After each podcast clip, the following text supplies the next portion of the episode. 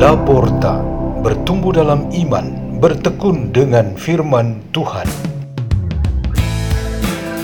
Radio Laporta, pintu terbuka bagimu untuk pertumbuhan pengetahuan dan kebijaksanaan tentang Allah.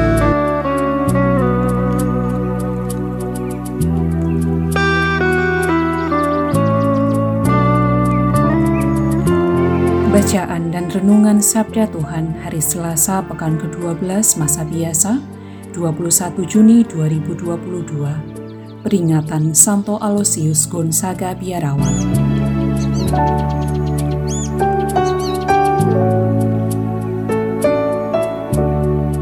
Dibawakan oleh Manuela Sabatani dari Paroki Kristus Raja Keuskupan Surabaya, Indonesia.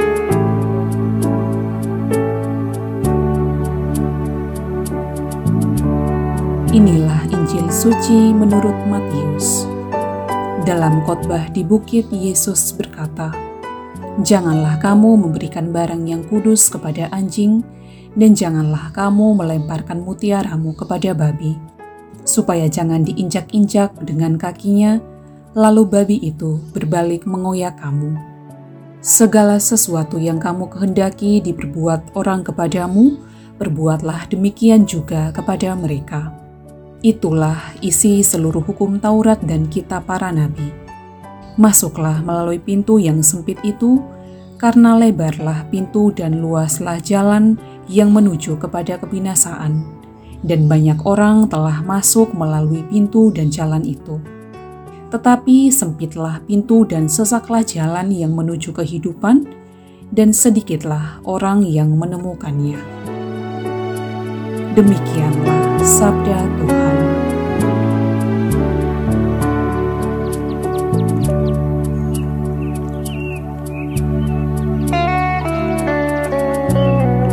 Renungan kita pada hari ini bertema keadilan kasih. Anak-anak secara natural belajar tentang kehidupan dari orang tuanya. Nathan adalah seorang bocah kelas 1 SD dan ia memiliki adik perempuan yang masih bayi berusia sekitar dua tahun. Ia belajar menyayangi adiknya itu dengan mengikuti tingkah laku bapak dan ibunya. Setiap pagi berangkat ke sekolah, bapak dan ibunya mengecup kening dan pipi Nathan, kemudian Nathan menghampiri si adik lalu mengecup pipinya. Dalam banyak hal, Nathan sebagai kakak berbuat kepada adik perempuannya sama seperti yang ia dapatkan dari bapak dan ibunya. Cinta dan perhatian yang ia terima secara cuma-cuma dari orang tua, ia bagikan dengan rela dan sukacita kepada adiknya. Sikap yang baik ini terbentuk di dalam keluarga, sehingga Nathan tidak merasa sulit untuk melakukannya juga kepada teman-temannya. Ada banyak contoh lain seperti itu yang kita temukan. Mungkin Anda atau keluarga Anda juga melakukan yang sama. Ini dapat kita namakan sebagai keadilan kasih. Anda menerima kasih itu secara gratis, maka bersikaplah adil dengan mengasihi sesama secara gratis pula. Sebuah perbuatan kasih yang adil sangat dituntut dari pihak yang menerima kasih yang membagikan itu kepada sesamanya.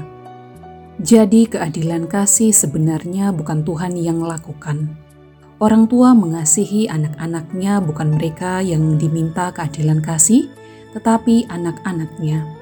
Negara dan bangsa menyediakan rasa aman dan kesatuan kepada warga negaranya, bukan negara dan bangsa yang harus adil dalam kasih, tetapi warga negaranya. Komunitas menjamin hidup bersama yang layak dan teratur, yang diminta keadilan kasih bukan kepada komunitas, tetapi para anggotanya yang wajib memberikan keadilan kepada sesama anggota dan sesama lain di luarnya.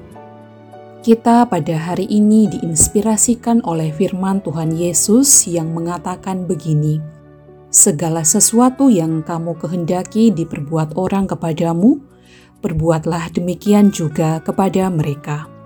Pada dasarnya, kita memerlukan kasih dan perhatian.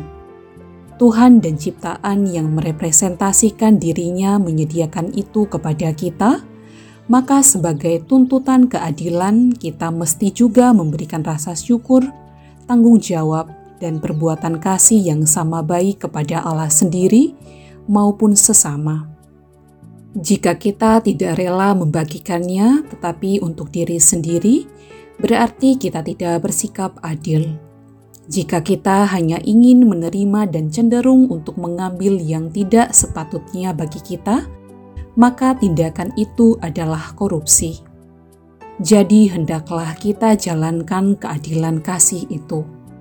Tuhan akan menjadi hakim yang adil untuk mengadili kita, setimpal dengan perbuatan-perbuatan kita yang tidak adil di dunia ini. Marilah kita berdoa. Dalam nama Bapa dan Putra dan Roh Kudus. Amin. Ya Tuhan, semoga kami selalu berbagi kasih dan perhatian-Mu tanpa mengharapkan balasan. Bapa kami yang ada di surga, dimuliakanlah namamu, datanglah kerajaanmu, jadilah kehendakmu di atas bumi seperti di dalam surga. Berilah kami rejeki pada hari ini dan ampunilah kesalahan kami, seperti kami pun mengampuni yang bersalah kepada kami. Dan janganlah masukkan kami ke dalam pencobaan, tetapi bebaskanlah kami dari yang jahat. Amin. Dalam nama Bapa dan Putra dan Roh Kudus. Amin. Radio Laporta, pintu terbuka bagimu.